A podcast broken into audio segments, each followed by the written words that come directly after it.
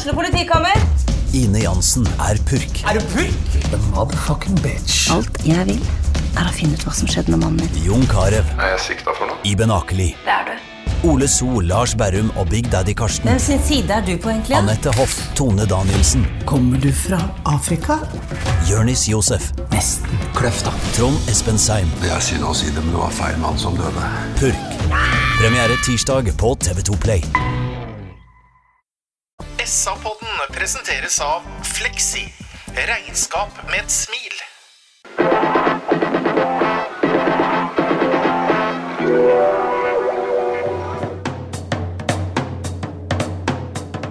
Sarpsborg Arbeiderblad gir deg en ny episode av SA-podden med Sven René Nygård, Øystein Weber, Petter Kalnes og Bjørn Inge Bingen Nilsen. Hei alle sammen, og hjertelig velkommen til en ny utgave av eh, SA-podden. Det som dere vet er SAs egen fotballpodkast. Her i studio i Sarpsborg sentrum sitter en smørblid, det er det vel ikke, men Øystein Weberg i hvert fall. Hei! Hei, Petter. Iført blå treningsoveralls. Sven Nygaard, du har eh, grå sånn hettegenser. Hei! Hei, Og Bjørn, og Bjørn Inge Binge Nilsen har både treningsoveralls og Sarpsborg 8-skjerf. Og pannebånd. Og pannebånd. Hei, Bingen. Hei, hei, god kveld. Eh, vi har sett en fotballkamp som vel ikke går inn i historien som den aller største vi har sett, men det ender iallfall 2-2 på Sarpsborg stadion. Og Bjørn Inge Nilsen, hva tenker du etter å ha sett den kampen? Litt sånn blanda, for at jeg syns vi hadde en, eh, en bra åpning hvor eh, faktisk jeg sa til guttene like før han eh, Haug slo bort i handa til Stabæk, hvor hun fikk annullert, at Stabæk er jo ikke i nærheten av tre trekk engang. Vi er jo over dem overalt. Tibling eh, fant rom overalt. Tibling syns Sven og jeg var eh, veldig god. Eh, vi hadde mye ball. Vi ønska å revansjere Ålesund-kampen. og Skuffende jeg så lite folk på stadion, men vi får vel som fortjent da, etter Ålesund, mest sannsynligvis. Men eh, jeg syns vi, vi åpna friskt og var tydelig tente på å, å revansjere noe fra forrige helg. I intervjuet med Stefan Bilmer etterpå, da, Sven, så sier han at uh, han syns det var veldig bra før pause. Og det var vel vi i en mening òg? Ja da, og vi hadde jo så fullstendig kontroll, og vi spilte ball i hatt med dem. Vi hadde vel ikke ball possession var der, ja, men det virka jo Ja, når vi var inne på BD-rommet i pausa der, og så prata jeg litt med en av de folka som skriver for, for eh, Stabæk, da, og det, det er jo klasseforskjell. Det er liksom divisjonsforskjell på de to lagene her, og det var det jo egentlig i første omgang, selv om eh, ubesluttsomt da også. Ja, og det er jo litt spesielt, Øystein, for det var klasseforskjell i store deler av kampen der, men så blir det bare ett poeng. da. Ja da, og så beskriver jo verken Bingen eller Sven 90 minutter her nå. Nei da, De snakker om en, en åpning. For det er klart at etter hvert så blir jo dette her eh, eh, Vi sitter jo igjen med et eh, betydelig dårligere helhetsinntrykk eh, etter hvert. Og som jeg sa sist, eh, Peter, og som vi kan komme litt tilbake til når vi skal summere opp eh, sesongen, så er dette litt sånn definerende i år for, eh, for Sarpsborg. Nemlig det at vi har tatt veldig lite poeng mot presumptivt dårlige lag. Vi har tatt mm, veldig mye poeng mot de presumptivt gode lagene. Og dette føyer seg sånn sett inn i, inn i rekka. Ja. Du nevnte at du hadde en hilsen. Ja, vet du hva? Eh, I en litt sånn kjølig, grå eh, hverdag og en litt sånn kald eh, kamp, så skal jeg bare gi en liten sånn breddefotball-sidekick. jeg vil sende en hilsen til en legende fra breddefotballen. Han, han heter Terje Karlsen. Han ble 67 år på fredag. Hatt et langt liv på Borregaarden. Nå har han blitt pensjonist. Han, øh, han er det som breddefotballen trenger, gutter. For vet du hva han sa til meg? Jeg husker nemlig at han, etter å ha spilt mange mange år i Sissingevåg, tok ett år i Borgar. Og da var han ca. 35 år. Og Sist jeg snakka med Terje, så spurte jeg Ja, ga du deg da etter det ene året? Nei, da tok jeg 14 sesonger i Sissingevåg, sa han Terje. Han spilte til han var 49 år. Han. Og da la de ned både han Terje og Sissingevåg. Men, eh, men eh, gratulerer med dagen, Terje, som var på, på fredag. Og sånne folk trenger vi. Ja, bra kall, han Terje.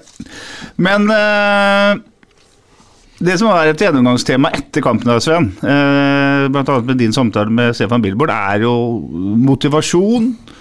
I og for seg også intervjuet ditt med Bjørn Inge Utvik handler om motivasjon. Altså, det ene laget da må vinne, men må ha noe, må ha poeng.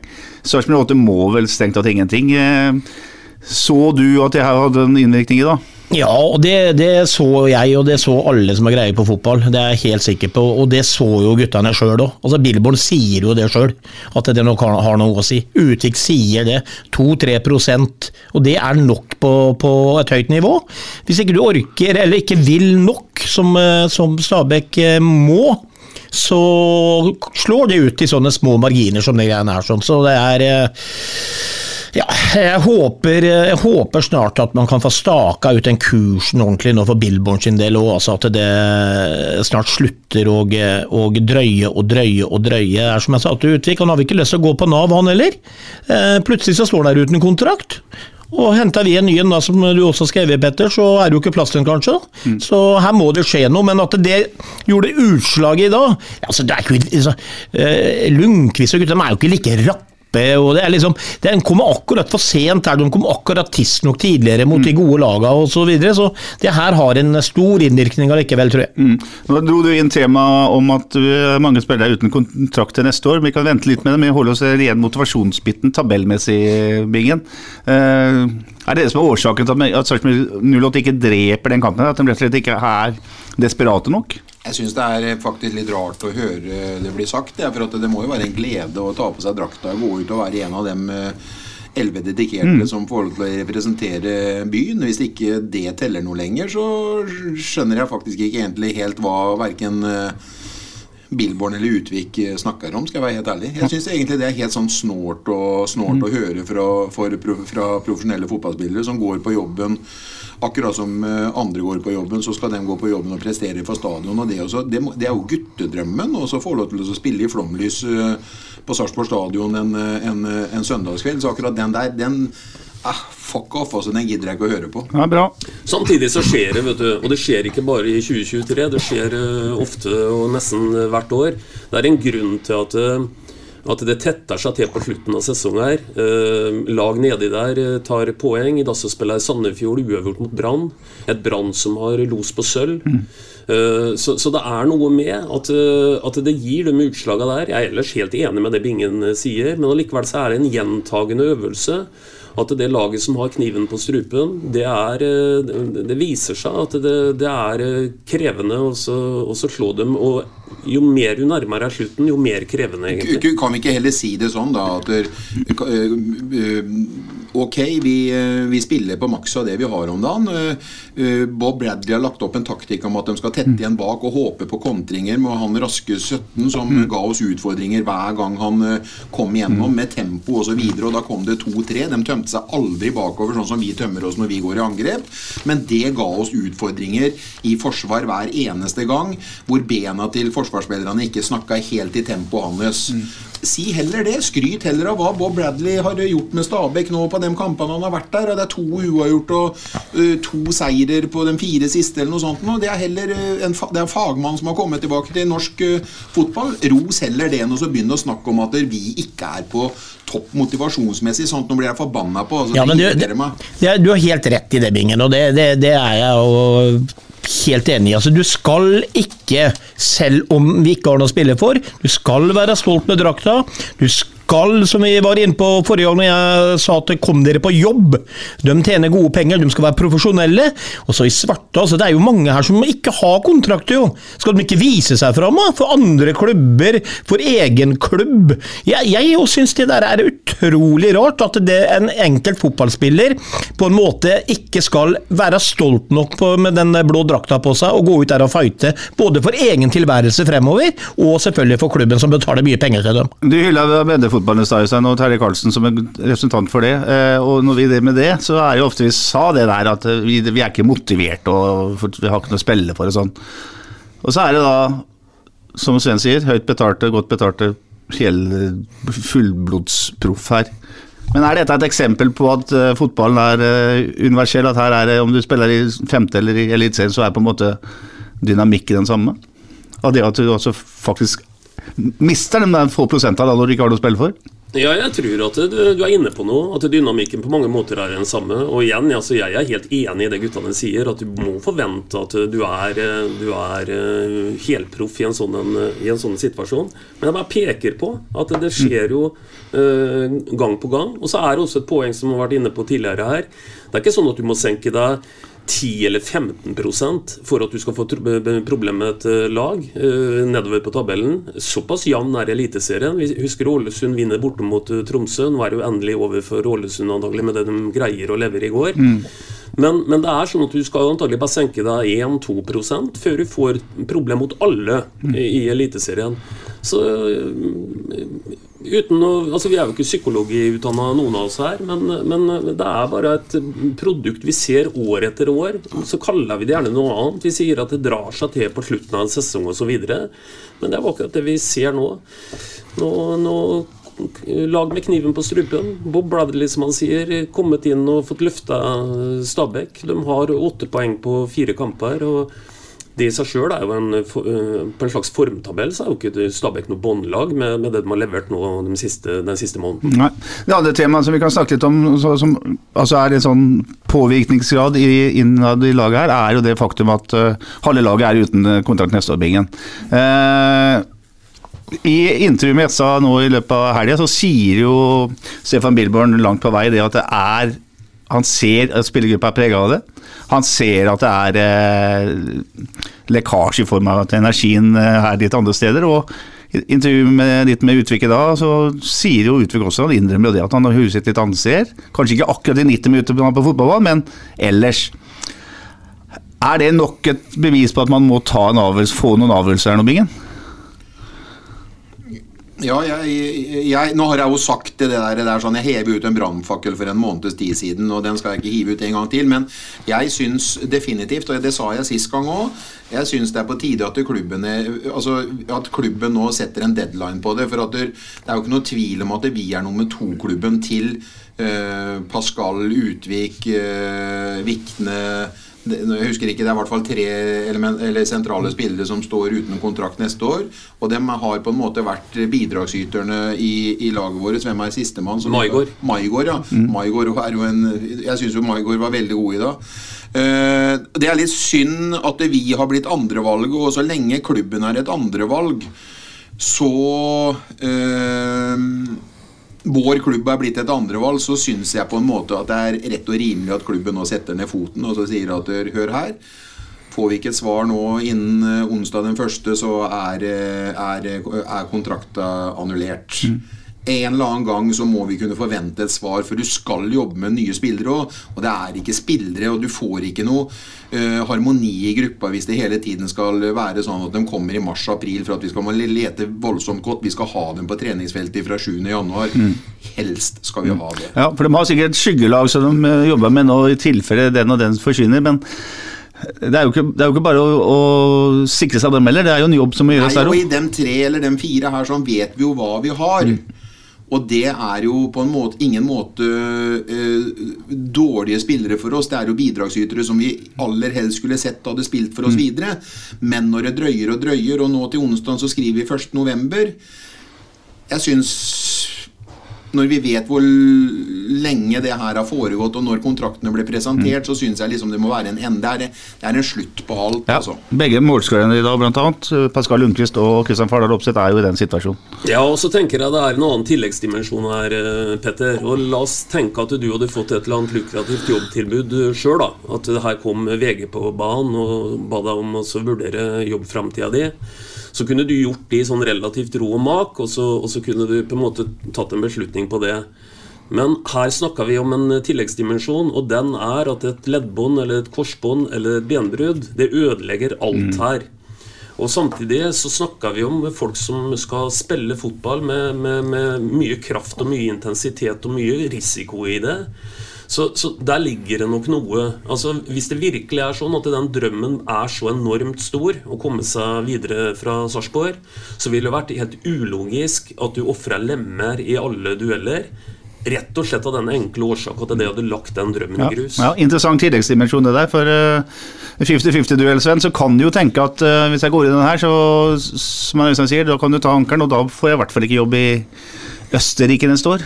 Nei, det har jo blitt litt sånn i moderne fotball, da, for det er jo snakk om store penger her. da. Når vi holdt på, så var det jo ikke de tankene der i hele tatt, for det var jo ikke noe å tjene på fotballen. Så jeg forstår jo den tankegangen der også, men eh, jeg håper at de også vurderer Hvis de trekker seg halvveis, så er det større sjanse for at det leddbåndet går, faktisk, enn at du står opp i Ja, det er sant. Så men, men, er, men eh, nok en gang, eh, hvis, hvis det er som Øystein sier der, som det helt sikkert kan være, så tenker jeg det at dere eh, da er jeg mer på den biten der igjen. altså Hvis en trener ser at du trekker deg og ser at du er veldig halvhjerta på mye, så er det kanskje på tide å, å bytte dem ut. Ja.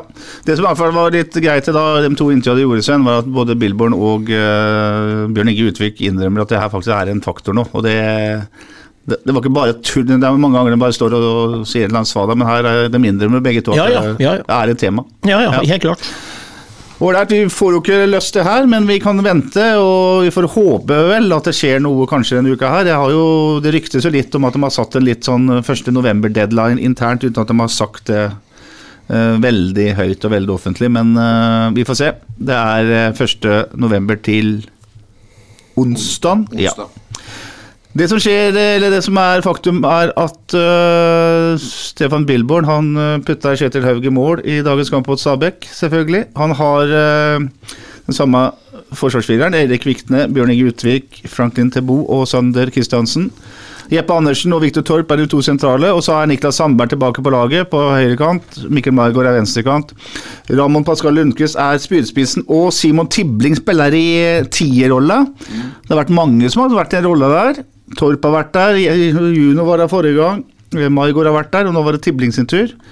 Selvfølgelig har Ramón Pascal Lundqvist vært der kanskje mest av alle. Eh, Tibling likte du da, Bingen? Jeg syns Tibling var eh, Han, han, han skaffa seg rom, han fant romma hele tiden. Mm. Han var, eh, var eh, en god bidragsyter i dag, i særdeleshet før pause, syns jeg. Og han jobba eh, ufortrøden på, og jeg ble noe overraska faktisk over at han ble tatt, uh, tatt uh, såpass tidlig. Ja. Det var vel fort 20-25 Ja, igjen. ja. Uh, Så han skal ha honnør for kampen sin i dag. Jeg syns den rolla der passet han veldig godt. Og hadde han fått en bekk som kom på Eller når han kom på overlakk og Sa- Sander Kristiansen skjærte inn og hadde det vært litt bedre timing i det han forsøkte på noen ganger, så hadde det kan, kanskje kommet et eh, par-tre flotte innlegg til, for han, eh, han var på hugget da, Simon Tibling. Det er jo en- posisjon på banehuset der det er trangt, det er mye folk. Og som Bingen sier, så er det imponerende at han da klarer å, å, å være så um, spillbar så mye som han var. Ja da, samtidig så er jo egentlig det litt tibling. En fotrapp spiller som, eh, som passer egentlig litt sånn til å kunne håndtere en eh, sånn en eh, rolle. Så syns jeg for så vidt han faller litt etter hvert da, utover i, utover i kampen. Jeg er ikke like overraska som Bingen for så vidt at eh, jeg syns byttet er ganske logisk når det kommer. Men jeg er helt enig i at han åpner friskt. og og, og, og jeg så ikke akkurat det uttaket i forkant, jeg må erkjenne det. Jeg har liksom sett på Tibling som eh, åpenbart en kant, ellers så er han ikke i elveren. Men jo som du sier, i dag så trakk han opp noe nytt av hatten. Ja, så var han ikke stasjonær. Han var jo Ja, ja, ja, ja. voldsomt Ja. bevegelig. Han hadde jo ikke den, han hadde jo ikke den der sentrale plassen Mm. at det her ligger her. Det var ikke Luka Modric som lå akkurat Nei, der. Han nei. var eh, veldig aktiv, eh, spesielt mot venstrekanten i første omgang. For Det syns jeg har vært litt av problemet med Lundqvist. her, Sven, At han, er, han er litt for stasjonær. Ja, det er, jeg, skulle til å si, jeg tror Billborn er god trener, vet du, så han satt nok Tibling i den eller den posisjonen i dag pga. det laget vi møter.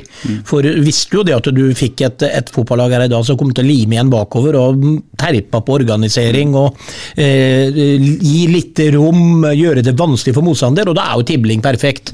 Han eh, beveger seg mye, han vil ha ball, og han har gode første touch, så han, eh, ballen spretter ikke fra han, så da beholder vi ballen i trengte eh, posisjoner, og der er jo Tibling god, så jeg er enig med Bingen. Tibling var veldig bra i dag, og jeg er også enig med Øy- Øystein at han faller litt i annen omgang, men gud bedre, da falt jo hele gjengen som potetsekker, Ja. Så da, da bare meldte jo han seg på resten av eh, håper å si, kollektivet. Det er litt interessant. her. Forrige gang så brukte han også junior der, som var, som var en bomba lagetak, sånn eh, spør du meg. Men da handler det om eh, presspillet, blant annet. Altså at Ålesund var jo enda dypere enn det Stabæk var i dag. så Poenget mitt Bingen, er at Billborn leter på en måte og er kreativ i valgene sine eh, på den plassen der spesielt. Ja, og han øh, Jeg vet ikke, han, han søker Jeg vet ikke Vi, vi har jo et eget spill, vi, men sånn som mot Vålerenga, så var det jo veldig tydelig at vi satt en det var i bombe, som du sier, når vi satt uh, Pascal Nei, som, når vi satt junior mm. i den rollen der sånn. For da skulle vi på en måte spille på Ålesunds svakhet. Og det var altså vi, vi, vi, vi, glemte litt vårt eget spill i den kampen. Der skulle vi spille på Ålesunds svakhet, og det var at vi skulle hive oss over dem når dem skulle begynne å spille ut fra egen forsvarsfirer. For det er liksom det, det som har vært varemerket deres. Mens eh, Tibling nå, nå hadde vi mer ball, han kom mer i dypet. Han fant jo helt andre rom enn det junior gjorde. Så det, i dag så var det her et veldig riktig valg. Og det spørs nok om ikke han er eh, At det er faktisk den plassen han kan tilføre 08 mest i. Men Sven, jeg nevnte i stad at eh, en rekke spillere har spilt i den rolla, så å si det er fem forskjellige spillere. Da. Eh, tidligere, og hvis du ser på noen eh, lag som har suksess over tid, så er det liksom veldig stasjonære, altså laguttaket er ganske stasjonært, det er samme folk i de forskjellige rollene fra uke til uke. Er det en styrke at han eh, leter etter forskjellige spillere her, eller er det en svakhet og et tegn på at han ikke finner den som på en måte er optimal i, i den tierrolla? Nei, Det er jo begge deler, men det er klart, mye av den tierrolla avhenger jo av der vi skoene har trykka veldig år, da, på spissplass. Eh, vi har jo ikke hatt der igjen, ja. ja, vi har jo ikke hatt noe altså, Nå fikk vi Berg og skårer hat trick, og så får han strekk, og så kommer Meister innpå og skal begynne å vise seg fram, og så blir han skada. Og så har jo, har jo Oppsett vært mye skada. Så vi har liksom Hadde vi hatt en fast førstespiss som hadde vært uh, lite skada, så tror jeg ikke han hadde eksperimentert så mye i den tierrolla. Da tror jeg Lundqvist eh, for eksempel, har spilt der gang etter gang etter gang etter gang. Men så blir det skade på spiss, så må Lundqvist som den nærmeste ledige spissen som orker 90 minutter, ta tre opp. Da må han jo ha ny en der. Så det tror jeg er hovedproblemet. Ja, jeg er helt enig i det han eh, Sven sier. Jeg hadde nesten sagt akkurat det samme hvis jeg snakka foran han eh, Sven nå. Og til spørsmålet ditt, det er egentlig en svakhet. For vi mangler egentlig Jeg er helt sikker på at hvis Berget hadde vært eh, skadefri, så hadde han vært den spissen vi har lett etter. Og da hadde Lundqvist spilla i den rolla som nå er prøvd av både en junior og en tibling. Eh, Så jeg tror det er mer det enn at, eh, at det er et resultat av veldig mm, analysering av hvem motstander vi egentlig møter. For jeg syns at Pascal Lundqvist han er den soleklare mannen vår i den rolla som Tibling starter i dag. For Det er jo riktig det de sier her, Bingen, at det er jo egentlig spissrolla som er utfordringa her. Fordi, eh, og det, Vi ser jo det på Pascal Lundqvist i dag, og han er en fenomenal fotballspiller, men han er jo ikke noe Han er ikke noe Joe Jordan, liksom. Det, ikke, det lukter ikke mål han. Han uh, skårer uh, måla sine på når han trekker seg løs inne i Ja. eh, straffefeltet han, og får ett touch på ballen. Da sitter de. Men når han kommer bakenfra og skal begynne å enten eh, bestemme seg for eller skyte, eller om han skal eh, passe, så går det veldig Ofte blir det for trangt, og han kommer opp i situasjoner hvor det blir som regel motstander som søker ballen. Men eh, han er jo veldig god, bevegelig, eminent spiller. Men han, og jeg har sagt det ti ganger, han er altfor god til å skåre så lite mål. Selv om han skårer mål i dag igjen. Så gjør han eh, ja, for Jeg føler at han har så veldig mye, veldig mye inne. Og så er han jo så lite egoist, Sven, at det nesten er eh, bikker gærne veien. For Ja, det er det det er. han spiller en passing for mye nesten hver gang. Ja, det, det blir jo for vakkert noen ganger. vet du. Vi hadde jo mange tilfeller i annen omgang der. Det var ikke bare Pascal, det var flere. De hopper over, og de eh, kjører skuddfinter og hæler, og det er liksom Som sier, ingen andre lag enn Bodø-Glimt skårer mål som 08 på sitt beste, men det er for ineffektivt måte å gjøre ting på. Noen ganger så må du bare lukke øya, strekke rista og klinke den inn mot mål via noen bein eller et eller annet, Mm. istedenfor å kjøre en tunnel. Ja, bra. Eh, Niklas Sandberg er tilbake på laget. Det syns jeg, spesielt før eh, pause, Øystein, eh, var en liten åpenbaring. For han, det, er en, det der er en fotballspiller som, eh, som er smart, eh, finner løsninger og, og bidrar offensivt. Ja, altså Generelt så er eh, Nicolas Sandberg en, en kjempesignering for uh, Sarpsborg. Jeg vet ikke om jeg er helt enig i en åpenbaring i dag. Det var dårlige ord, kanskje. Ja, I hvert fall etter hvert som kampen på en Ja. måte skrider frem. Jeg har sett Sandberg bedre. Men, men at han har ferdigheter som vi kommer til å få fryktelig mye glede av i, i åra som kommer, det tror jeg ikke er noen som helst tvil om. Eh, Men, men han melder seg litt på den der, kall negative utviklingen i kampen i dag, som, eh, som de fleste etter hvert uh, gjør, for så vidt. Jeg syns vi åpner egentlig ganske solid. og så og så er det noe med at det blir en, det blir en negativ utvikling. Mm. Jeg må be be beklage, jeg ser ikke samme som deg, Petter. Jeg hadde nesten justismord på Sandberg eh, til sidemannen min i dag. Jeg, eh... ja, da, da, skjønner jeg ikke at du ser samme fotballkamp som, som uh, Hvis ikke du ser pasningene til uh, mot Mikkel Margaard, f.eks. Uh, blant annet den han uh, kjempeheadinga som han uh, har opp et mål, som Mikkel Det blir redda av han Kasper Pedersen på målstreken.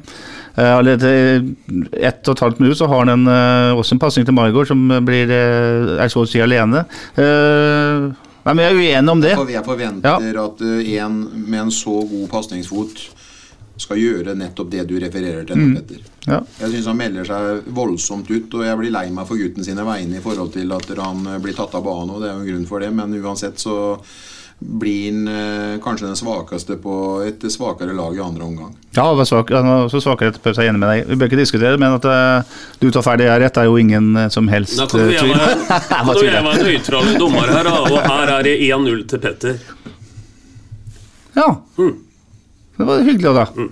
Jeg får støtte fra Årum. Det er ikke ofte jeg får. Jeg vil ikke bli uvenner med noen av dere gutter, så jeg holder kjeft. Ja, For du vet åssen vi er når vi blir sinna? Jeg vet jeg har fasiten. Ja. Der, så hadde vært moro å høre hva du mener, da.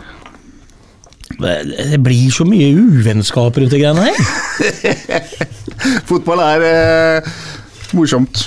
Du kan, du kan, se det på veldig mange måter. Vi tar uh, ikke så veldig mye detaljer fra første omgang. Vi kan ta litt store bilder for en gangs skyld, så folk slipper å høre oss snakke om alle mulige målsjanser. Men det er en total dominans første kvarteret til de, de blåkledde.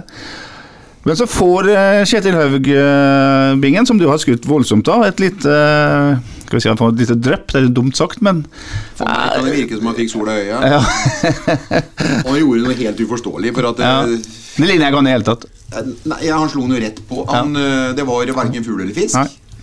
Så beklager, men uh, han ble jo redda gongongen. Og jeg håper at det var den eneste gangen han uh, gjør noe sånt nå i år. Ja. Oskar Spiten Nysæter får uh, ballen av Unge Haug og setter den i mål etter 16 minutter. Stabæk jubler, og Sarpsborg stadion banner. Sånn unison banning. Og så kommer VAR inn i bildet, da, vet du, Sven, som du er så glad i. For, for det første så Nei, nei, nei, nei men, men, men liksom Skjønte jo ingenting. Nei, det er jo ingen som forsto noe! Haug klaga jo ikke. Ingen av 08-spillerne klager. Plutselig så eh, blå altså, Faen, har det vært offside i forkant? Hva er det for noe, tenkte jeg. Og så ser jeg litt på reprisa igjen, da, vet du. Han klinka ballen opp i våre høyre eller venstre lår, og så spretter ballen opp i armen som nesten er innad kroppen i tillegg. Og så står stakkaren der og eh, blir dømt hensimot. Altså, jeg, jeg kan ikke noe for det. Jeg syns det der, der eh, Ja, etter regelboka sikkert riktig, men jeg må si det at det er for gærent at de får annullert det målet der i mine øyne. For jeg syns det er brutalt. Og som jeg sier, jeg sier det for Jeg kan ikke si for siste gang, for jeg kommer til å si det mer. Men uh, hver gang vi ser en fotballspiller i dag skal fly innafor uh, sin egen 16-meter, så går de over i pingvinstatus. Jeg orker snart ikke mer å se på igjen, for det er, er altså fotballspillere, de har armer! De Må gjøre noe med den regelen. Nei, er opptatt av det her med pingviner, Øystein. Ja da, og så kan vi godt understreke det Sven nå sa. Jeg må si for siste gang, og så korrigerte han seg sjøl. For dette kommer jo ikke Sven til å si for siste gang. Hvis vi oppsummerer på en måte VAR per i dag, da tar vekk spontanitet En kan være enig eller uenig. Mm. De skal inn og titte på noen situasjoner, og det gir enten det ene eller andre utslaget. Det kommer til å fortsette så lenge det er en del av fotballen. Og jeg har ingen problem med å se at det er stadig sterkere krefter og stemmer for at, at det, det dreper noe av dette her. Men vi kan ikke snakke om det som det er en nyhet fra gang til gang. da på en måte For dette her er en del av det nå, og, og jeg tror vi har fått fram de synspunktene rundt det. Jeg vedder en julemiddag på at han Sven kommer til å si dette her bl.a. på livepoden vår 9.12. på Olsen. Det støtter jeg, og det ja. kan jeg understreke at det veddemålet det står lavt ja. i odds. Den poden starta 14.00, og jeg tipper at 14.07-14.08 er vi allerede på inn på temaet. Et uh, show for øvrig, Petter, som etter å ha sjekka med generalen på Dickens. Nå har under ti billetter eh, igjen. Så da bare kommer vi med en kjapp eh, innspill på det. At de som ikke har bestilt seg bord til den 9. desember nå begynner uh, timeglasset å renne ut. Ja, Bestill dere bord, og så er det en liten fi å betale i døra når dere møter han uh, Jørgen Andersen uh, der. Kan jeg bare si en ting igjen? Jeg var i vippen før kampen. Ja, nå kommer det, igjen. kommer det. Hvem, så, hvem er så var sammen med deg, Beggen? Nei, men hør nå. Ja. Terje Høili, vil jeg tro. hør nå. vi og der øh, Jeg ble jo nesten redd for Bob Bradley da han tok han Jokke Jønsson noe så inn i helsikeren på direkten da Jokke Jønsson var TV 2-ekspert, eller hvor han var henne for en del år siden. Bob Bradley fleska jo til Jokke Jønsson på og mente han var helt fotball Han var ikke kapabel til å stille spørsmål engang. Uh, han fikk så hatten passa i pause. Og i dag så blir, kommer jo Brad, Bob Bradley opp i, i vippen og blir intervjua på Jeg vet ikke hvor Patrick tar det fra, men eh, en strålende opplagt Patrick Walter og en oversympatisk og fagmann og flink, dyktig Bob Bradley. Det var sånn fantastisk eh, sekvens på, på fem minutter som jeg bare applauderer både Patrick Walter mm. og, og Bob Bradley veldig gøy å høre på. Hvem snakka best engelsk? Patrick eller Bob? Nei, Jeg syns Patrick var veldig flink. Så jeg, synes, jeg, jeg, sier, jeg vet ikke hvor han tar det fra, men Patrick var uh, veldig flink. Ja, han er flink. Han har gått en god skole, vet du. Ja. Uh, men det er litt kult å se Bob Bradley altså Jeg hører hva Bingen sier, jeg er enig, men se på energien, liksom. Se hvor, hvor, hvor ivrig han er. Det, det er jo en det er jo den største, største stjerna i norsk fotball, omtrent. Ja da, og da må vi også huske på hva Bob Bradley har for en CV. Altså. Ja, det er det jeg mener. om en, en fotballpersonlighet der som virkelig står i historiebøkene på langt større ligaer enn en den norske. Og vi snakker om en som når han var sist her med med Stabæk tar medalje med Stabæk against all odds, mm. som det heter på nynorsk. Og det at han nå har kommet inn i en steam og, og som sagt er ubeseira på fire kamper. Det er Bob Bradley-effekten vi ser. Og jeg tror de eh, skjelver i knærne på Intility etter hvert, for dette er et lag de helst vil eh, holde bak seg, men det kan holde hardt, det. Mm. Det er Osa fag av sånne typer som det er, Sven? Ja, det gjør det, og jeg, det er helt rett. Vi snakker om effekt her, men eh, jeg må bare si det, da, at det er ikke bare Stabæk sin fortjeneste at de får med seg et sterkt bortepoeng med Sarpsborg 08, for vi, det laget der er, er, ikke bra, altså. Jeg syns ikke noe spesielt om prestasjonen til Stabæk i dag. De er gørheldige mm. som etter 90 minutter får med seg ett poeng her fra stadion. og du må nok trekke enda bedre eh, resultat, eller eh, sportslige prestasjoner opp av hatten nå de siste kampene. Nå, for Jeg ser jo fortsatt for meg, selv om jeg forstår at Vålerenga er ute og kjører sånn, men jeg ser på Vålerenga som et mye sterkere fotballag enn det Stabæk visste på Sarpsborg stadion i dag. Ja. Det syns jeg. Vært. Jeg syns Bob Bradley får maks ut av laget sitt. Han har ja, ja, ikke det, sier har bevisst ja, ja, ja. på en strategi. På ja, ja, ja. Hva heter han nummer 17, forresten? Rasmus Eggen Winge. Rasmus Eggen Winge? Uh, bare følg med på han. Mm. Eh, for et tempo han setter. Er ingen som følger han. Jeg føler at Utvik er rask, men han her er eh, rask. Og det var en helt tydelig kampplan som de fulgte til punkt og prikke. Men vi gir dem de mulighetene. Det er det jeg skal fram til. Jeg syns ikke Stabe går ut her i dag og spiller til seg veldig mye. Vi driter oss ut rett og slett defensivt noen ganger. Jeppe på det andre målet, f.eks. Mm. Er med, ære med, ære med, ære med han, og lar han få lov til å, å skyte den ballen i mål. Skal ikke få skutt der, han. Så, så, de kan ikke belage seg på å skape tre målsjanser hver kamp og skåre på to av tre. Det er det som jeg mener. Derfor ja, jeg syns Stabæk eh, var litt lavere i dag, dem også. Ja, absolutt. Eh, Målet etter 16 minutter blir altså annullert, og så er det en dårlig, ganske dårlig periode for Sarpsborg igjen, 10 minutters tid, men så kommer eh, Torp med et langskudd etter 24 minutter. Og så er det da, etter 28 minutter, en, et eh, hjørnespark fra Sandberg som blir klarert. Torp får tak i nedfallsfrukten, kommer seg til sida, eller til dørlinja. Står det et sånt uh, løst, høyt innlegg på bakre stolpe, der Jeppe Andersen vinner en hodeduell bra. og så står Pascal for åpent mål Øystein, og, og setter den inn. Det er eh, bra ettertrykk og, og bra duellkraft av Jeppe inn i feltet der. Ja, og så ser vi noe som vi så sist, og som vi har snakka om sist, nemlig at det er ofte ledig på bakerste. Mm. Og, og, så der, Det er også sånn et type, type, mønster som helt garantert er øva mye på. Og, og, og hedde den inn fra, fra en fri posisjon bak der. Og det er jo som du sier, foranledningen. Og så er det noe som kommer til, har ikke kommet til fotballen, men det er noe som er mer og mer fokus på. Det er ettertrykk etter dødballer, altså egne dødballer. Vi snakka om det før, her ser vi det igjen. Det er så Sabek klarerer, og så vinner Sarpsborg den, og da er Sabek ganske uorganisert når det kommer en ny bølge. Ja, og, og, det, og så er det motsatt igjen. da, at Når vi står høyt opp, som vi ofte gjør med mange, og er tøffe i presset vårt der oppe, så er vi sårbare igjen. Hvis vi kødder det til, for å si sånn, med ball da. Eh, Og det er jo der vi ofte slipper inn måla våre. Da. Så det, vi, vi må finne den avveininga, tenker jeg, på hvor mange skal vi ha høyt i press, hvor mye skal vi legge i helhjerta i å vinne ballen fort tilbake, men samtidig vite at eh, vi må ha nok folk på rett side som kan løpe opp eventuelle motstandere. For der ser du forskjellen på de to lagene i dag. I forhold til kvaliteten i laget så har vi eh, høyere kvalitet i laget enn det Stabæk har. Men de er kloke. Når de tar sjansen og går, så går de med tre spillere. Når vi går, så går vi med åtte og tømmer oss ganske, ganske bra eh, defensivt. Og det er et sjansespill. Det er et sjansespill. Gjorde akkurat det samme vet du, Bingen mot Ålesund. Det var akkurat sånn måla kom der òg, så vi står opp med en haug spillere.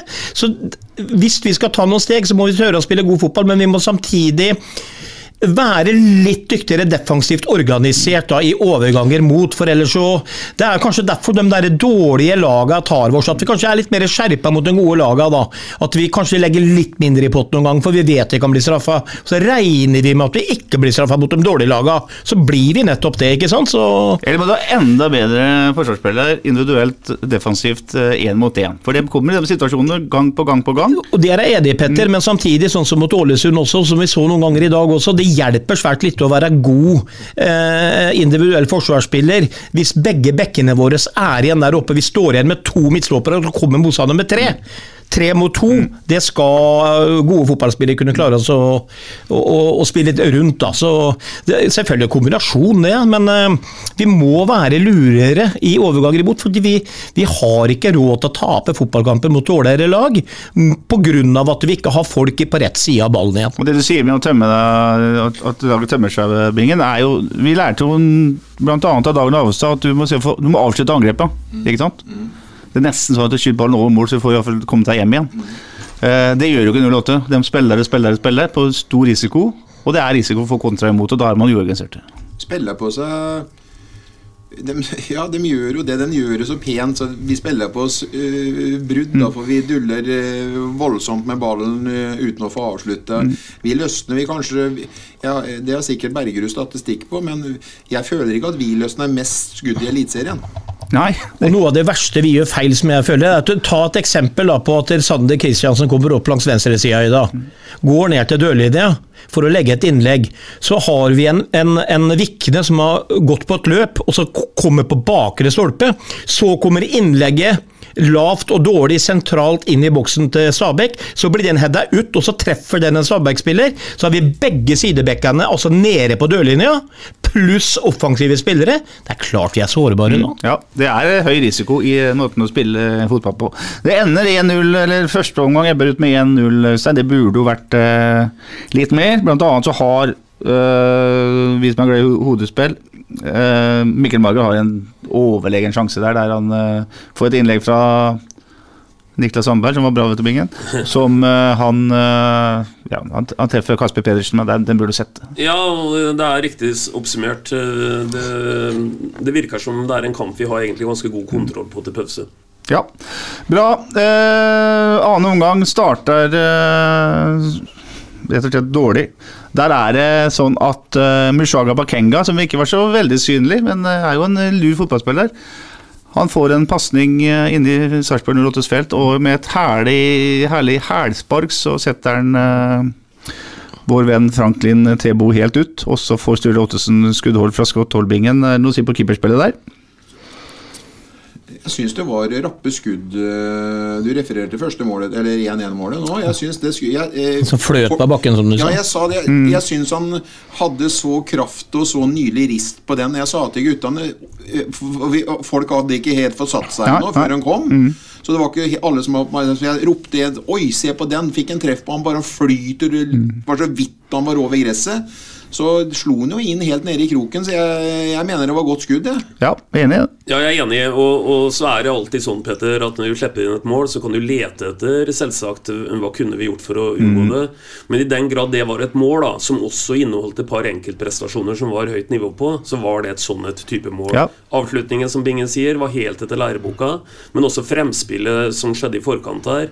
Det, det, det var ikke så lett å så, å så stoppe den, og så kan vi si at det var vel Tebo-Sven som var nærmest Ja, jeg lurte på om det var Utvik, jeg. Som, Ja, jeg tror det er Tebo. Er det Tebo? Ja, jeg tror dem, jeg ble Ja. litt overraska at en av dem ikke gikk ned og tekka. Ja. Ja. Ja, men, men eh, det, da må jeg komme med noe. Der, der, kan jeg støtte Øystein. Det har vi prata om før. Hadde 08 skåra det målet der sånn på den måten, så hadde det vært Det er ikke noe mottrekk mot det. vet du, Se på klikk-klakken og se så vakkert. Og sånn. Ja, ja. Vi må hylle motstandere en gang imellom, så det der er et helt fair mål. Jeg tror Tsebo var involvert i det, den situasjonen med hælspark, men kanskje Utvik skulle blokkert. Det er mulig. Det, Jeg lurer på det når vi kommer hjem og ser på Fotballekstra nå Ja. etterpå, om, eh, om ikke Utvik var tettere på den enn vi, vi Mm. tror. Jeg tror når det skuddet ble løsna, så var han Jeg ble litt uh, overraska faktisk over at ikke han uh, gikk ned.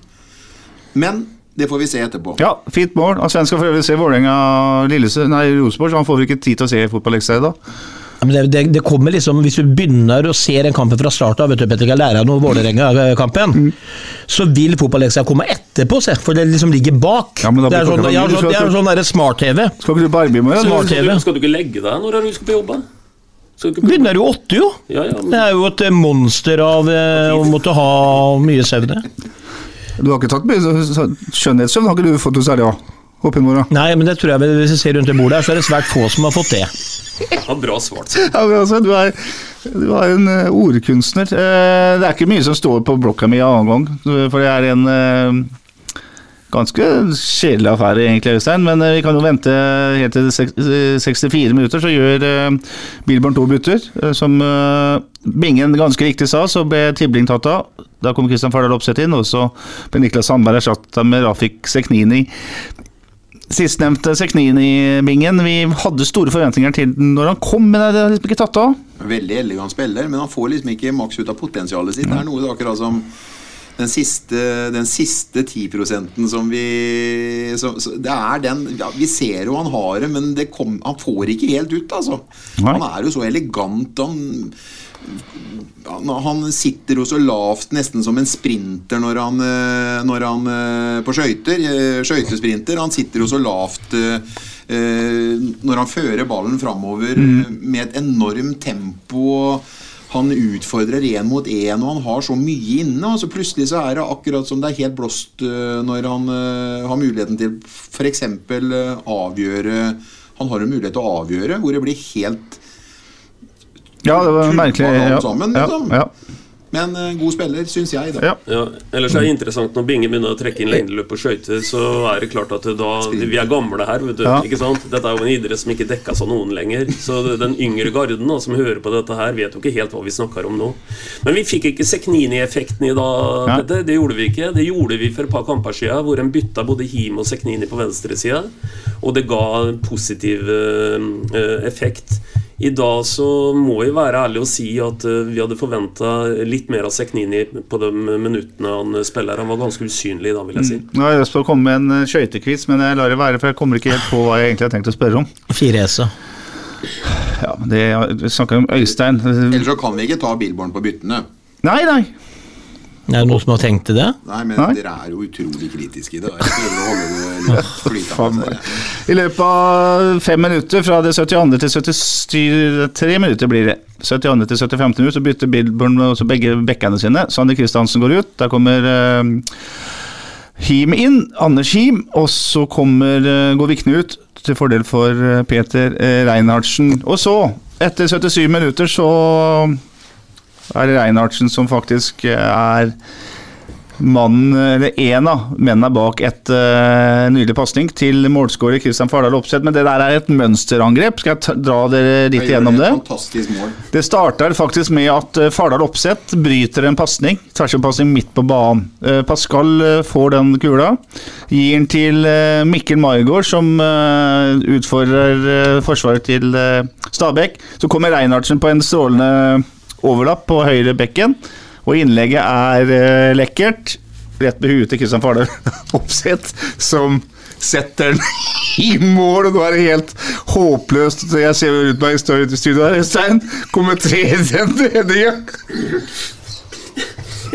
Jeg sitter og ser bort på bingen her nå, som har at Dette ser ut som et gærnehus. Nå, nå, nå har Sven tatt på seg øreklokkene mine. Det ser jo rett og slett ut som at Ja, jeg skal ikke dra det noe særlig lenger. Og bingen ser jo helt koko loco ut. Men det jeg kan si, for å prøve å ikke titte bort på bingen eh, Fardal han, eh, Vi kommer til også når vi skal oppsummere eh, podden den 9. desember, eh, Petter, til å eh, gi den statistikken jeg har varsla noen ganger i forhold til hva Fardal gjør av poeng. Eh, For han er egentlig en poengspiller. Som en liten teaser på det, det er at vi har ikke hatt maken til poengspiller som Fardal. Og den statistikken den styrker han ytterligere i dag. Han har, eh, han har en, eh, en mål- eller målgivende faktor som er, vi lar den henge litt, men den er høy. det Ja. kan jeg si. Han har kommet til tre avslutninger i dag, en av dem i mål. Han har også to headinger eh, over. Så han, er der, og han, han får jo mer sluttprodukt enn det f.eks. Ramón Pascal Lundqvist gjorde som spiss i den eh, tida han spilte der. Dette er et fint mål, Sven. Ikke minst, Fantastisk. men Det, det, det er eh, ikke minst syns jeg, for at eh, Nå er snakker jeg med han. Det er ti på toppmål. Sven, ikke minst fordi at uh, jeg syns jo ikke kontringsspillet alltid er eh, null styrke, men det er det definitivt her. Nå hørte jeg ikke hva du sa. Nei, nå tar du av meg capsen nå, da. Nei, eh, hva sa du, Petter? En gang til. Det er han som ødelegger. Nei, jeg vet ikke, jeg skjønner ikke. Altså, er, du, er, du her i poden, eller hva driver du med? Han Øystein driver og tuller med hodeplagga mine Jeg sier at jeg syns ikke Sarpsborg alltid er like giftige på kontringer, men dette her er jo et mønsterangrep, altså mønsterkontring. Ja, ja, fantastisk. Eh, Pasning, avslutning, alt er bra der. Og kanskje vi skulle gjort litt mer av det da, for vi, vi, vi ruller jo fram og tilbake og ruller fram og tilbake, men eh, du kan jo ikke gjøre det noe vakrere enn der, eh, og, og så kontant som man setter den med pannebrasken i tillegg. Og, og det er kanskje en av de enklere måla til oppsett eh, på lang, lang tid. sted, Han er på rett sted, men det er jo ikke bare det. Men det innlegget det lander jo også på rett sted, da. Og det er jo sånn at der Fardal Opseth eh, får litt tyn av oss fordi at vi syns ikke han bruker kroppen sin Mm. eh, nok. Men akkurat der sånn følte ikke at det var mye plass, men der tok han, der tok han seg plass. Ja. Og så ser vi en gang til hvor korte analysene til de ferskvareanalysene til Bingen er. For vi husker alle frist i minne eh, hans analyse av Fardal forrige gang. Da mente Bingen at han la inn en søknad for å spille sitt siste minutt Ja. på A-laget. Ja. Og takk for at eh, han ikke gjorde det, for i dag så skåra han mål igjen, gitt. Der fikk du den bingen. Ja, men jeg må jo skryte av når han eh, gjør, Ja. det han gjør i dag. Ja, ja. Det var jo fantastisk bra. Mm. Jeg, jeg syns ikke han var all verden ja, f før han skåra det målet, det må jeg også si. Men når han gjør det han gjør, så viser han jo hvorfor den poengstatistikken som du skal presentere på på julepodden, eh, avslutningspodden, er så god som han er, Øystein. Yes. Men Kristian Fardal Opseth er kanskje av de spillerne som er uten kontrakt neste år, som det snakkes minst om, fordi han er den eneste av dem som eh, er stort sett starter alle kamper på benken. Det er en sånn uh, innbyttertype. Så sier du at han har en eventyrlig statistikk. Det bør jo i strengt tatt være nok til at han eh, kanskje bør være med også neste år, da. Ja, jeg tror at her snakker vi om to ting. Enten så snakker vi ikke noe mer, eller så snakker vi en ettåring. Vi snakker om en som blir 34 år mm. tidlig på neste året, i 2024. Eh, Det er, eh, det er i grenseland høyt for en spiss. mm, Titte på alle, alle ligaer, det. Men, men, men jeg vil bare understreke det poenget at eh, i et totalbudsjett da, eh, som er så stort som det er i dag, i forhold til å også drifte et eh, eliteserielag i fotball, så er nok Fardal og en ettåring, som alle skjønner sånn cirka hvor ligger den i en sum Eh, Vi snakker om en prosent av, av det totale budsjettet. Kan hende at det er noe en skal tenke på. Ikke for at han skal spille veldig mye, det har aldri Fardal gjort i Sarpsborg. Jeg kan eh, si så mye som at eh, av nesten 90 kamper som Fardal har vært her, ikke sant, tredje sesongen, så har han til sammen spilt ca. 20 kamper. Så, så han kommer ikke til å spille veldig mange 90 minutter her. Eh, Men, men en, en Ta statistikken, du. Vi Nei, nei, men, en- men en spiller som tross alt produserer eh, såpass man gjør Det kan hende at det er verdt å ha med seg som et verktøy inn i 2024 faktisk også. For per nå så er eneste spissen på kontrakt neste år er Henrik Meister, altså de som eh, vi har sett på A-laget, Bingen. Eh, man drømmer om Jo Inge Berge, som da ville vært et naturlig førstevalg. Men heller ikke han spiller jo 30 kamper. Men, men tror du at Fardal er interessert i å fortsette med rollen han har nå som en sånn uh, 30-minutterspiller? Jeg er ikke sikker på det. Og jeg har fått et sånt bilde når jeg så den cupkampen mot Sogndal, så har jeg fått et sånn uh, bilde i hodet mitt allerede at den der er avgjort. Jeg- og det kan være fullstendig feil, men det kan hende det er noe i det òg. Han begynner å bli voksen. I Sogndal så er han jo som gud å regne. Og du så jo han skåra jo, snudde jo den cupkampen nesten alene, og vi vant der oppe. Han skåra vel tre mål. Ja. Og han, øh, han får helt sikkert minimum en toårskontrakt hvis han vender hjem. Hvis han har interesse av å vende hjem. For at det er jo det han gjør hvis han spiller for Sogndal. Og jeg tror kanskje han velger en toårskontrakt. Han vil sikkert presse den til tre, men kanskje han velger heller framfor det å komme hjem enn også velge en ettårskontrakt. Og så på en måte være en sånn der eh, substitute som de skal forvente noe av de siste 20 hver gang han kommer inn. For han får jo veldig sjelden eh, starte kamper. Ja, og det som jo er drawbacket til Fardal Opseth, er jo løpsstyrken også. Det, er, det kreves mye i presspillet, Sven. Og toppspissen skal gjøre en eh, Det er første, for, første forsvarsspilleren til og Stefan Billborn. Du Ja, må altså- løpe mye. Ja, og så er det jo, som jeg sier, det som kan tale imot eh, kontrakt, det er jo det at det er jo, vi sitter jo her og diskuterer at han, hadde, han har jo spilt svært få fotballkamper. Han har skadehistorikk. Jeg ser ikke på treningsfeltet. Eh, og, og, du må jo legge, og vi kan jo ikke bare ha spisser som eh, ikke kan spille fulle kamper og ikke kan ditt og ikke kan datt. Med Berget som kanskje kommer til å være mye borte, så er det, vet vi at Fardal Oppsatte er skada så og så mange ganger i løpet av året. Eh, Meister er jo et kjemperåprodukt, men vi vet jo ikke alt ennå. Vi har sett noen stegene og diverse ting og sånn, men kan jo slå feil ut der etter hvert, og det får vi håpe at ikke det gjør. Men det er ikke bare å skrive kontrakt ved for det, det, liksom, Hvis du skal ha en førstespiss, og, du, og Oppsett skal ha den rollen som Øystein var inne på, eller hvem det var, som hele tiden bare Ja, du kommer ikke til å starte, men du kan kanskje komme inn og skåre mål. Eh, det, det er vel ikke en drøm for en fotballspiller, det heller. Nei, og så er jo det den plassen som er egentlig som vi sliter med for å få besatt eh, hvert eneste år, at eller siden Patrick Mortensen, for å si det sånn. Og vi, eller vi hadde jo Haugesund-spilleren, og husker jeg ikke hva han heter, Kone. Vi, vi har jo gjort noen sånne sporadiske lyk, lyk, lyk, lykka kjøp, men eh, per neste år nå så er det faktisk sånn at vi har kun hvis ikke jeg tar helt feil, som vi har sett på stadion, det er Meister som spiss. Og så har vi han eh, dansken som vi lånte ut til Han glemte jeg, Gustav Mogensen kommer tilbake. Gustav Mogensen som vi lånte ut til eh, Hødd. Ja. Det er to spisser, og eh, det å snakke om eh, spisser vi ikke har, så skulle vi gjerne sett det at vi skulle hatt med eh, Jo Inge Berget eh, videre, men det er klart at eh, guttene begynner å bli voksne, selv om han var superpreppa, og vi er veldig imponert over det han presterte før han ble skada. Men du, du har aldri noen garanti på de guttene. Sånn. Det, det, det skjer kanskje noen avrivninger, det skjer noe i lysker osv. Belastningen du må kjenne litt mer eh, til på kroppen din enn du gjør hvis du henter en Henrik Meister. Han har stupte han og rød kravebenet, men han kommer jo tilbake, han. Men eh, det er ikke sikkert, selv om han har en god statistikk, at eh, den ettårskontrakten vil bli tilbudt heller. Men det er i beste fall det han kan eh, få i 08. Siste eh, lille tema om spissplassen, Øystein. Jeg skal holde meg til deg, for du er liksom kort og konsis. Eh, Henrik Meiser er uh, på kontrakt. Mogensen er veldig Han er veldig usikker, men, men Meiser vet vi jo. Tror du at uh, Er det tema å gå for Meiser som en førstespiss, eller tror du at de, må, at de sikrer seg med en, en de vet kan på en måte være toppspissen? Altså typen Jo Inge Berge. Jeg tror at det er vanskelig å basere seg på en Meister som førstespiss etter å ha sett den et kvarter. Godt øh, og konsist og kort og fint sagt. Bra. Eh, Etter skåringa, som kom etter 77 minutter, så har Sarpsborg 8 to-tre sjanser til. Eh, og det er kontringer alt sammen. Vi har en med, med Pascal som skyter et skudd som blir eh, blokkert. Vi har en der eh, Mikkel eh, Margaard får en eh, fin pasning fra Anders Kien og skyter rett på keeper. Og så er den nevnte bingen på Seknini, der Fardal skyter, eh, passer til Seknini, som jeg skrev fløv avslutning, for han treffer nesten ikke ballen. Uh, ser veldig rart ut. Uh, og så skjer det da som ikke skal skje, Sven René Nygaard, og den, uh, det målet til Stabæk, 2-2-mål etter 83 minutter.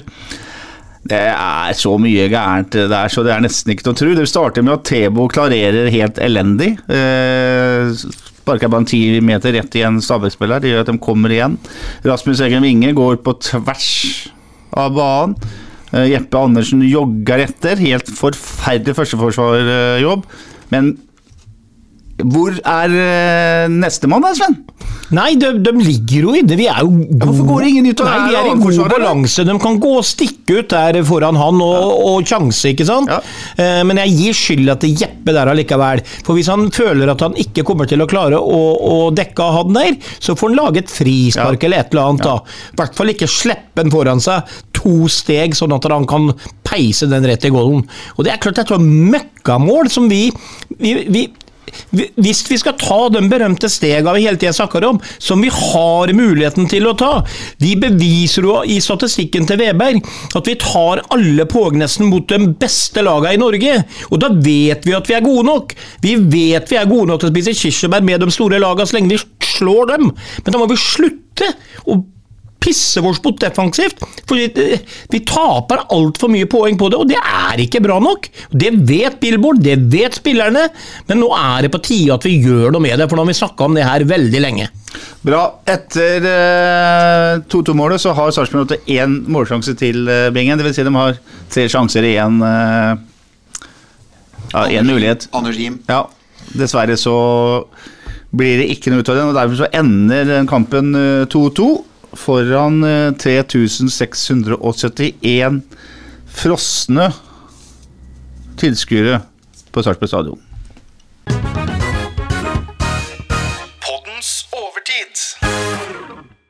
I overtida så skal vi snakke om uh, en uh, kar som vi har uh, blitt veldig glad i gjennom elleve sesonger i Sarpsborg 08. Øystein Weber, nemlig Joakim Thomassen, som fredag ettermiddag fikk eh, beskjed om at eh, han ikke får noe ny kontrakt med klubben. La oss ta den beslutninga først. Hva tenkte du når du, leste det i sa? Jeg tenkte at det var en ganske venta beslutning. Eh, vi snakker om en hedersmann her som blir eh, 36 år ute i neste første halvår. Og, og igjen, da, da er vi tilbake til det som på en måte alle blir innhenta av. Øh, fødselsattesten din. Og når du i tillegg legger til at han har hatt den utrolige eh, skadehistorikken nå, da Veldig synd for Joakim, naturligvis, men øh, hva skrev dere? Sist han var på banen, var i oktober i 2022. Så, så kan jo ingen bli overraska av det. Det er den ene, den ene siden av det. Og så får vi håpe at de har eh, Kall det lært noe av en tilsvarende diskusjon som vi hadde for et år tilbake, hvor en annen eh, gammel trotjener, Ole Jørgen Halvorsen, eh, den venta de jo med litt for lenge, syns jeg, da. Så nå, nå får en i hvert fall anledning til å gi Joakim Thomassen et eh, fortjent punktum på, på eh, Sarpsborg eh, stadion. Men eh, det korte svaret på, på sjølve beslutningen, det er nok at han er korrekt. Ja, jeg er personlig litt overraska likevel. Ja, at de gjør Altså Vi snakka om den Ole Jørgen Halvorsen-situasjonen. Jeg er litt overraska at de gjør dette på en måte de gjør nå. Altså Fredag ettermiddag kommer en, eh, får Joakim en melding, eller får altså beskjed fra, på stadion. Snakker med vår journalist. Eh, hvorfor inviterer de ikke her til en eh, pressekonferanse, da, Bingen? Eh, det, er, er klubbkaptein som gir seg. En som har vært med og gått i bresjen med klubben i, i, i mange år. Burde ikke vært sånn at lokalavisa blir invitert, og her sitter eh, sportssjef og daglig leder og, og Joakim og snakker om dette her i fred og ro, eller eh, er det bare sånn som jeg tror skal fungere? Nei, de har vel sikkert De, de har noe å lære der. Jeg syns ikke det var helt sånn profesjonelt visst at det er riktig. Om det har uh, venta, så støtter jeg jo Veberg i at eh, det var eh, en, en riktig avgjørelse av klubben, men at eh, tingen kan gjøres annerledes, det er jeg jo helt overbevist om at det kan. Ja, Han blir sikkert hylla i en av hjemmekampene som kommer nå. Senini, han eh, Joakim, han har vokst opp i samme klubb som deg. eller Han kom fra Yven først, så gikk til SFK. ble tidlig veldig god landslagsspiller. Går til øh, Sparta som uh, unggutt. Han egentlig da har skrevet kontrakt med Fredrikstad, men spiller en halv sesong i Sparta under Kai Andersen. Da spiller han venstre indreløper husker i 4-3-3-systemet til Kai og var knallgod. Og så lager han seg en fin karriere. Uh, Fredrikstad, Vålerenga og så til uh, Sarpsborg 08. Eh, hva er liksom det kjennetegnet på Joakim som du vil trekke fram? En eh, utrolig positiv, eh, fin fyr. eh, med et eh, stort fotballhjerte. Eh, høy intensitet, bestandig gitt jernet. Eh, tar en sugende takling eh, på to minutter på overtid, de ligger under 2-0. En, en profesjonell fotballspiller som eh, fullt fortjent har fått spille på øverste nivå, både i FFK, i Vålerenga og alt og i 08 selvfølgelig, eh, fordi han har lagt ned en stor, stor innsats eh, gjennom mange, mange år. Så jeg bare si, Joakim, eh, på vegne av sikkert alle her, og vi takker deg ekstremt mye, for du har gitt så mye til de klubbene du har vært i, og til Sarpefotballen gjennom så mange år. Så det er litt vemodig, men jeg er også enig etter den historikken han har hatt nå i det siste. Så er det, er det nok riktig at han eh, må vike plass nå, men for en karriere, for en fyr, for en kaptein han har vært, for et ansikt utad i media på TV-kanaler, og for en spiller han har vært. Så mens han sitter og hyller han nå, så får jeg faktisk gåsehud under her, kjenner jeg. For det er, det er vært stor idrett av Joakim Thomas gjennom mange år. Og jeg syns tida er inne for å nettopp øh, se litt på hva faktisk gutten har oppnådd. da, For når du trekker inn ting med timing i forhold til en SMS og lokalavisa ditt og datt, så kjenner ikke jeg til prosessen rundt det, og det kan godt hende at det der er ting å sette fingeren på. Jeg kommenterer egentlig på en måte mer på det faktum at han ikke er blitt tilbudt noen forlengelse, som jeg syns er øh, en riktig avgjørelse. Men tiden er jo inne for å virkelig dvele litt med at han er en av få i Sarpsborg det, det er ikke så mange som overgår Joakim Thomassen i en sånn uh, historisk sammenheng når det gjelder hva han har oppnådd på fotballbanen. Og vi skal huske på én ting til. Den gangen han ble henta til Vålerenga, da snakka vi om et Vålerenga som på en måte hadde ressurser langt utover det Gjennomsnitts-Norge har på uh, eliteserieklubber. Så de, de plukka på en ganske høy hylle altså, den gangen de sier at det er mannen vi skal ha. Og ikke minst hvordan han og Heldigvis for han òg fikk være med på det fantastiske europaeventyret i, i 2018, hvor han satt eh, med Geir Bakke og var vår frontfigur i alle internasjonale pressekonferanser. Og håndterte også det på en helt eh, fantastisk eh, måte. Så det er bare én ting å si. eh, vel blåst, Joakim. Veldig bra sagt. Eh, Og, og så syns jeg han var eh, Hvis jeg kan få lov til å si noe, da. eh, Kort og konsist. Han var også en krevendes krevende kaptein. Han krevde av seg sjøl, og han krevde av dem som han spilte sammen med. Og uh, selv om kvaliteten ikke bestandig var der, så kunne du aldri ta Joakim på innsatsen. Nei. Og som dere har nevnt, Han sto der rakrygga også i motgang når han skulle forsvare klubben i, i media, og var en imponerende rolle også der. Og så kommer vi jo til å huske det der Europaligaeventyret også for eh, det man innførte da, at det var Geir Bakke og Tom Freddy Øvne de hadde jo bestemt seg for at ballen skulle være så mye ute av spill som overhodet mulig. Og der var jo Thomassen helt fenomenal, for han kasta jo lange innkast. Så jeg husker nede i Tel Aviv der, når det koka som verst der på slutten, så har de jo et innkast da på nede ved høyre cornerflagget, og da skal jo da Joakim bort og kaste den ballen der. Så han går jo, vet du. Og dem er jo så forbanna på Man er helt lugn, rusler rolig over. Tar sikkert et par minutter før han får kasta den her ballen. Og der, er, der tror jeg Thomassen koser seg. Og så kan jo Nå vet vi jo ikke da om han havner i en klubb der han kan bli cupmester, men i alle fall så kan han få Morten Thomassen, da, Bingen, som vi kjenner godt. Han har jo alltid sagt at du er flink til gutten min, men du ble aldri norgesmester. Det ble han. Så flott fotballfamilie og flott uh, representant for Sarpsborg 8, Joakim Thomassen. Uh, lykke til videre, Tom, uh, Joakim, uansett hva du skal finne på Skal vi tippe nå, da? Ja. Nå, En av Thomassens gamle klubber kommer til Sarpsborg Ja, ja. søndag. Og nå kommer jo to raske hjemmekamper på rad her. Og hadde vi et lag som hadde kniven på strupen i dag, så kommer et nytt lag av den kategorien til søndag. Så det blir tøft igjen, det her. Men Vålerenga tror jeg rett og slett at vi er et mye bedre lag enn, så jeg tipper at vi vinner 2-0. Sven, du skal på helsereise, så du får ikke sett den kampen, du. Åh, glem det, klart jeg skal det. Ja, Men ikke her, da. Jeg tar medisinene mine der nede mens den går. Jeg er nede på Red Co, sportspuben. Red Co. Red Co, rød ku er det som er på engelsk. Ja. Eller norsk, da. Eh, men i hvert fall så skal jeg være litt kortere enn Øystein og ikke snakke så mye rundt kampen. Vi vinner 3-1. Du brukte lengre tid, Sven. Ja, men du, jeg snakka om andre ting. Uh, prøv å ta et resultat som ingen andre har. Jeg tipper 3-1. Ja. Da er det 2-0, 3-1, 3-1, og så blir det 1-1, og det er uh, sånn det faktisk er. 1-1. Og det dere ikke vet, vet du, Hvem er som skårer her? at Anders Kim skåret sitt første mål for Sarpsborg 8. Han spiller også sin første kamp fra start Brasse. mot uh, Vålerenga. Han setter en bredside fra kort hold etter at Vålerenga leda 1-0 til langt ut i annen omgang. Skal vi si det er bra? Vi har sett en dårlig fotballkamp. Vi har tatt et fint avskjed med Joakim Thomassen. Og vi har tippa at det i hvert fall ikke blir eh, tap neste søndag. Og så skal vi ønske Hans Svein René lykke til og god tur til Gran Canaria. Takk for det, gutter. Og det skal bli godt å få pleie helsa, faktisk. Ja. Kan vi forvente at du er litt brun når du kommer tilbake? Eh, korte svaret på det er nei.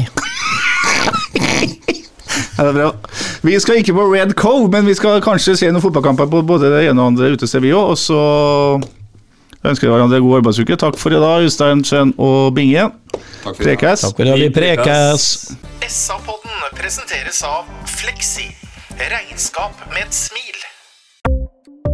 Ukens annonsør er HelloFresh. HelloFresh er verdens ledende matkasseleverandør og kan være redningen i en travel hverdag. Mange av oss har nok vandret i butikken både sultne og uten en plan for middagen, som ender med at vi går for de samme kjedelige rettene gang på gang. Middag burde være dagens høydepunkt. Som HelloFresh kan du nå velge mellom 25 ulike retter hver eneste uke, eller få HelloFresh til å sette sammen menyen for deg. Dette gir deg muligheten til å prøve nye og spennende retter alene eller sammen med familien. Du velger antall porsjoner og får alt levert på døren på et tidspunkt som passer for deg. Oppskriftene er enkle, og maten er lett å lage både for store og for små. Ved å få alt levert hjem får du også mer tid til å dele matgleden med familie og venner. Kanskje det frister med asiatiske tacos eller greskinspirert kylling? Da kan jeg anbefale deg om å gå inn på hellofresh.no. Her kan du bruke koden FOTBALL og få opptil 1779 kroner i rabatt på de første fem matkastene hvis du ikke har prøvd HelloFresh tidligere. Du kan også bruke rabatten hvis du har vært kunde og stoppet abonnementet ditt for tolv måneder siden eller lengre. Gå inn på hellofresh.no og bruk koden FOTBALL. Har du et enkeltpersonforetak eller en liten bedrift? Da er du sikkert lei av å høre meg snakke om hvor enkelt det er med kvitteringer og bilag i fiken, så vi eh, gir oss her, vi. Fordi vi liker enkelt. Fiken superenkelt regnskap.